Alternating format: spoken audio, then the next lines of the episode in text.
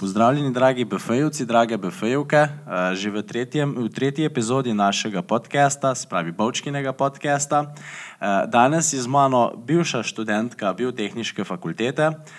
Bila je predlagana iz vaše strani, dragi poslušalci, tako da bomo predstavili njeno študijsko pot. Je bila vedno zanimiva, je se je udejstvovala na veliko obštudijskih in dodatnih projektih. Tako da kar lepo pozdravljam z mano Lucijo. Pozdravljena, Lucija. Zdravo. Že v predhodnih pogovorih si mi omenila, da si na prvi stopnji bila študentka mikrobiologije in nato biotehnologije na drugi stopnji. Kaj te je prepričalo za prvo stopnjo in potem za preusmeritev? Hmm. Ja, jaz uh, sigurno nisem bila ena izmed tistih dijakinj, ki je že v štartu vedela, kam in kako naprej. Tako da sem se, po mojem, tisti zadnji dan, ko se je bilo treba opisati, tresla, kaj naj opišem, ker me je toliko stvari zanimalo. Ampak na koncu je nekako prevladovala mikrobiologija, uh, ker se mi zdi, da so pač. Že takrat nekako sem slutila, da so tak, mikrobiologija tako eno skrito področje, oziroma da so mikrobi res prisotni povsod in igrajo pomembno vlogo, o njih pa ne vemo veliko. No. Vsaj takrat se mi je zdelo, da družba ni vedela veliko o mikrobih. Um, zato v bistvu mikrobiologija, no, ker se skriva in v zdravstvu, in v okolju, in v um, kmetijstvu. Tako da sem rekla, da um, hočem vedeti več o tej tematiki. Zakaj pa potem, oziroma kaj je bil razlog za preusmeritev na magistrski študij biotehnologije? Um, Pol, ko sem se že malo bolj spoznala z mikrobi, se mi je zdelo ful zanimivo, pač, um, kako uporabiti v bistvu mikrobe za sintezo vem, antibiotikov, vitaminov in te stvari. Uh, poleg tega sem pa vse čas na študiju mikrobiologije pogrešala tudi rastline, zato tudi biotehnologija, zato da sem se lahko malo bližje spoznala tudi z rastlinami. No. Vidim, da pač tvoje zanimanje za študij je, bilo, je in bilo pač veliko. Uh, Gotovo si med samimi poletnimi meseci upravljala kakšne dodatne raziskave, kakšno obštudijsko delo. Bi lahko mogoče našim poslušalcem predstavila, kakšne so opcije uh, za tako, take vr delo take vrste? Ja, jaz sem, mislim, da že kar v prvem letniku zaštartala in iskala priložnosti. Uh, tako da, pač, ko so se izpiti končali, sem si izmeri poiskala kako prakso ali pa poletno šolo, ki jih je tudi organizirala Biotehnična fakulteta. Tako da tam sem bila uh, redna članica.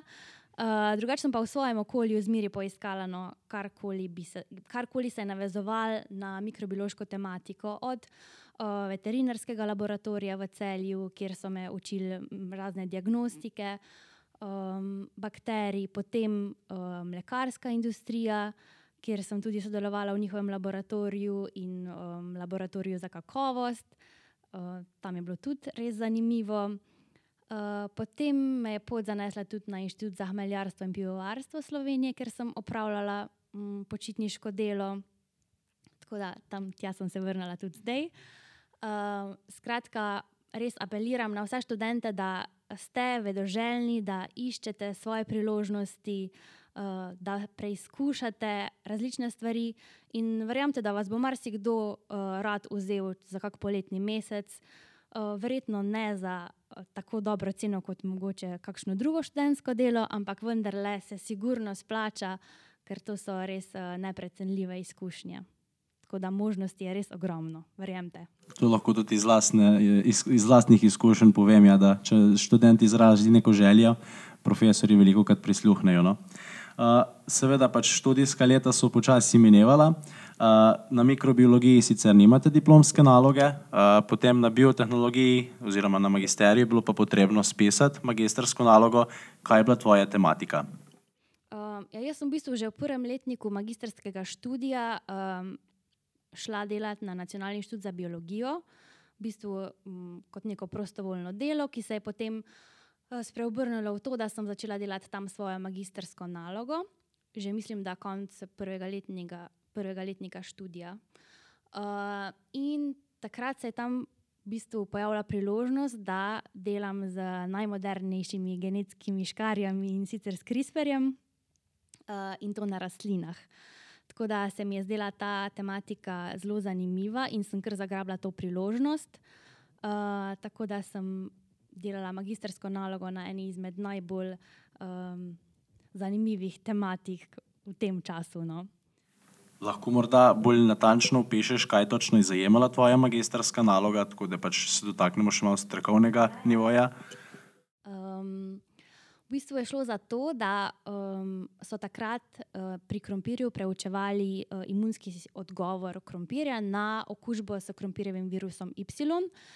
In predvidevali so, da ima en gen, sicer uh, ena, DPH, ena DPH oksidaza, zelo pomembno vlogo. In mi smo to hoteli preveriti s tem, da bi ta gen izbil. Uh, takrat, če ni nihče to poskušal narediti s CRISPR-jem, zato smo se pač odločili, da mi poskušamo ugotoviti vlogo tega gena, s tem, da naredimo knockout s CRISPR-Cas sistemom. Uh, tako da smo v celice, v rastlinske celice vnesli plazmid, ki je imel zapisan uh, zapis za Cas encim. Uh, in to vodilno RNA, ki je nalegala na ta gen NADPH oksidaze. Uh, in potem smo iz tega kalosa vzgojili rastline in gledali, kakšen fenotip izražajo rastline po okužbi s PVY virusom. Uh, in ugotovili, da pri rastlinah, kjer je prišlo do izbitja tega gena, je virus bolj učinkovito okužil te rastline, kar pomeni, da je bilo izbitje tega gena uh, učinkovito uh, in hkrati tudi ta sistem CRISPR-Cas. Šlo je pa v bistvu za delo z bakterijami, z bakterijskimi celicami, kjer smo namnožili te plazmide, potem z agrobakterijami, ki okužajo rastline, in na koncu tudi delo z rastlinami, izolacija DNA, sekvenciranje. Tako da sem v bistvu v svoji magistrski nalogi zajela res vsa področja, ki me zanimajo. Glede na tvoje poznavanje pač teh uh, naprednih genetskih škarij, kaj bi po tvojem mnenju ta metoda pomeni za prihajajoče obdobje, glede na to, da se ogromno govori zdaj o tam genome editing in pač spremenjanju genoma, um, tudi v recimo kmetijski predelavi in nasploh. Kakšen pomen ima CRISPR? Um, na splošno, glede teh genskih modifikacij, bi rekla tako. Sicer ja, res so to zelo vroče tematike, ampak napredek je počasen. Um, vsi vemo, da so se začele pač genske spremembe oziroma načrtno spremenjanje genoma že tam nekje v 70-ih letih. In takrat so predvidevali, da bo to eskaliralo in da bomo danes jedli že samo GSO hrano, kar vemo, da ni res. Uh, res je, da so vsi ti pristopi um, zelo obetajoči, ampak ko se ti dejansko lotiš spremembe uh, genoma nekega organizma, to traja zelo dolgo časa. Uh, poleg tega je na tem področju um, malo zaviralo tudi pač odziv javnosti, kot vemo, um, kot si že sam rekel, javnost tega najbolj ne sprejema. Um, in je to tudi malo zavrl v razvoj. Um, moje mnenje glede tega v prihodnosti je, da sigurno se moramo posluževati teh tehnik, vendar s previdnostjo. Uh, moramo poznati res genome organizmov, ki, ki jim spremenjamo gene, in potem tudi fenotipsko pogledati, kaj smo spremenili pri določeni rastlini. Kaj bi, ki si pač omenila, da moramo biti previdni, kaj bi bili lahko kakšni neželjeni učinki, oziroma da bi kaj spregledali, kaj, kaj bi bilo lahko um, neželjenega, no, kar bi se lahko zgodilo? Ja, m, genom je res uh, kompleksno organiziran.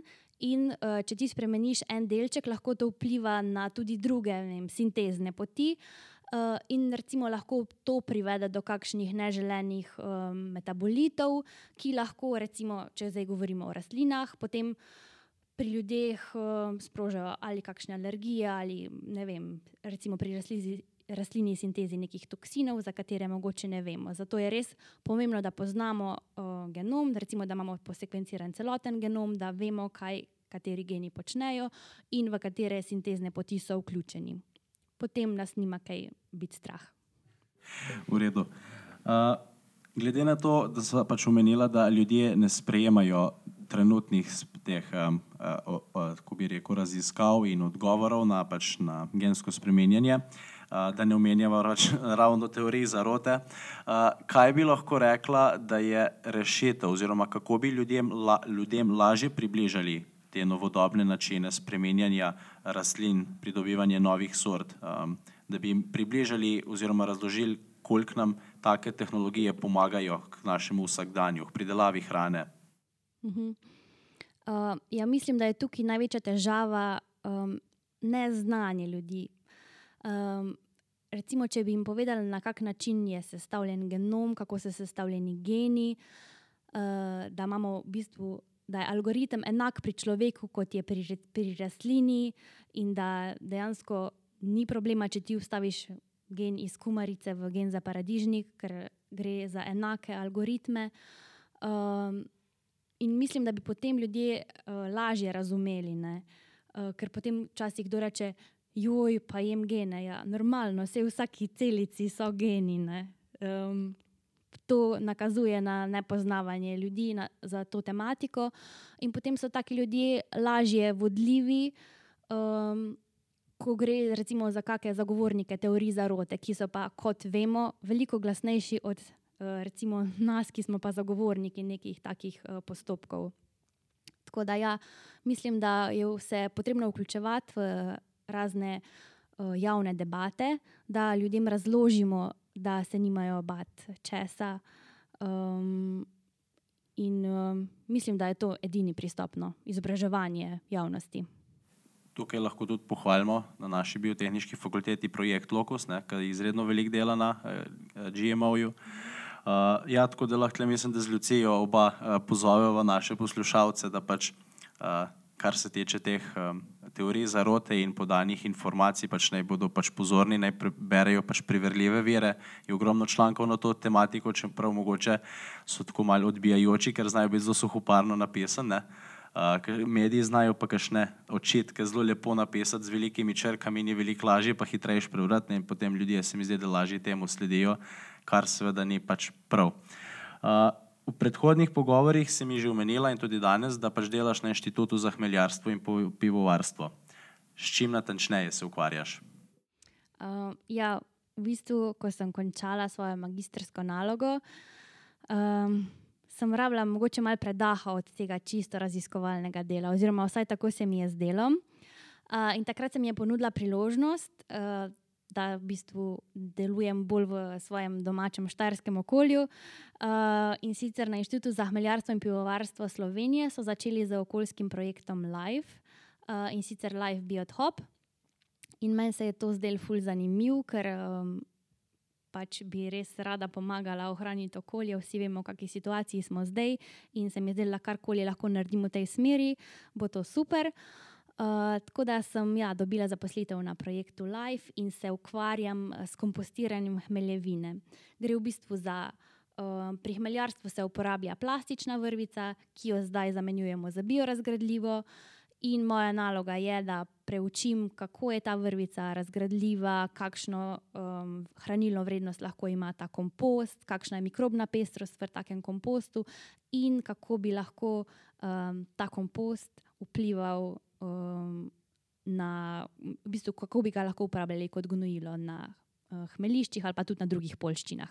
Iz česa je izdelana ta biorazgradljiva vrvica? Uh, to je v bistvu polimer uh, mlečne kisline, ta se pa pridobiva um, iz uh, razno raznih škrobov, recimo pač slad, ali pa sladkorjev iz kasave, sladkornega trsa, škrob iz koruze, se v bistvu um, razgradi na oligomere, potem pa bakterije, potem s fermentacijo to spet naredijo uh, v polimer.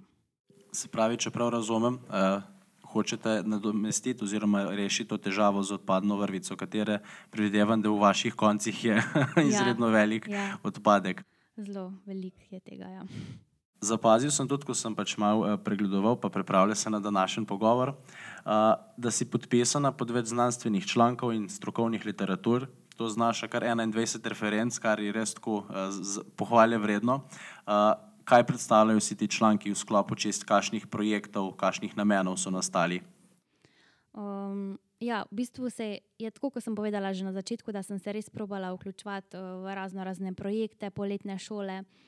In mislim, da moje prvi članki izhajajo iz uh, individualnega raziskovalnega projekta, ki sem ga delala na diplomskem, na diplomskem študiju. Eh, in sicer pri profesorici Soni Smole Možina. Uh, tam smo raziskovali uh, protimikrobne učinkovine v rožiču, ki bi lahko bil uporaben kot moka pri raznih pekovskih izdelkih. Tako da tam se je začel in to je bil v bistvu tudi um, povod za ta članek, je bil, um, da si rabo za svojo štipendijo pač neki izjemen dosežek. In uh, pač sem rekla, to za mene ne bo uvira, tako da sem štartala in smo o tem kar nekaj dobrih člankov napisali. Um, potem, kaj so še bili kaj drugi. Je v bistvu potem še z magistrsko nalogo, uh, se je iz tega tudi izcimilo ene par člankov. Um, nekako vedno sem prišla v neke raziskovalne uh, skupine, kjer so zelo spodbujali pisanje in komuniciranje in z javnostjo. Um, kar mi je bilo na začetku, moram priznati, kar mal tečno. Se mi je zdelo, pa sej nimamo nič kaj pametnega, pa sej zakaj bi to objavili. Ampak dejansko, ko se ti lotiš napisati članek, šele ugotoviš, o, pa sej v bistvu ni tako slabo. Um, in šele takrat dobi tista tvoja raziskava prava vrednost. Ker včasih, sej sami veste, pač naredimo neko raziskavo in pač se nam zdi to to. Ampak šele, ko pa ti res vem, narediš uvod, napišeš vse metode, takrat se največ naučiš, ker ugotoviš, kaj bi lahko naredil boljš, um, kaj drugi počnejo. Tako da um, sem se v bistvu iz tega pisanja člankov kar veliko naučila. In tudi zdaj moram priznati, da sem v taki uh, raziskovalni skupini, ki zelo spodbuja um, pisanje. Se pravi, celotna raziskava dobi en lep zaključek, ja. pa samo evalvacijo narediš, kaj bi lahko izboljšali. Mogoče za zaključek, plani za prihodnost, kaj je tvoj namen, kaj so tvoji cilji? Um, Ja, hm. Jaz sem letos uh, zadnje leto možnost kandidirati kot mlada raziskovalka, tako da se kar precej nagibam k temu. Um, tako da sem malo že pogledala, katere tematike so razpisane in kaj bi bilo za me zanimivo. Uh, tako da očitno se bom vrnila nazaj v študijske klopi. Nedino pač pravilno in pohvalno. Uh, Ja, nič, se ti bi najlep, na tem točki najlepše zahvalil za pogovor. Uh, dragi poslušalci, uh, veste, kje nam lahko sledite na vseh platformah, že omenjenih. Uh, z današnjim pogovorom da ste lahko pač, uh, spoznali veliko opcij, da pač ni vse tako uh, uskogledno, kot si mogoče predstavljate. Uh, Lucija je en odličen primer tega. Uh, tako da res hvala, Lucija, za danes. No. Uh, hvala. Uh, vam, dragi poslušalci, no pa seveda se priporočamo za oglede, uh, priporočajte nas tudi drugim, uh, za kakšne, če imate, kot že v preteklih epizodah omenjeno, če imate kakšne predloge z njimi na dan. Tako da ja, to bi bilo pa za danes tudi vse in hvala lepa.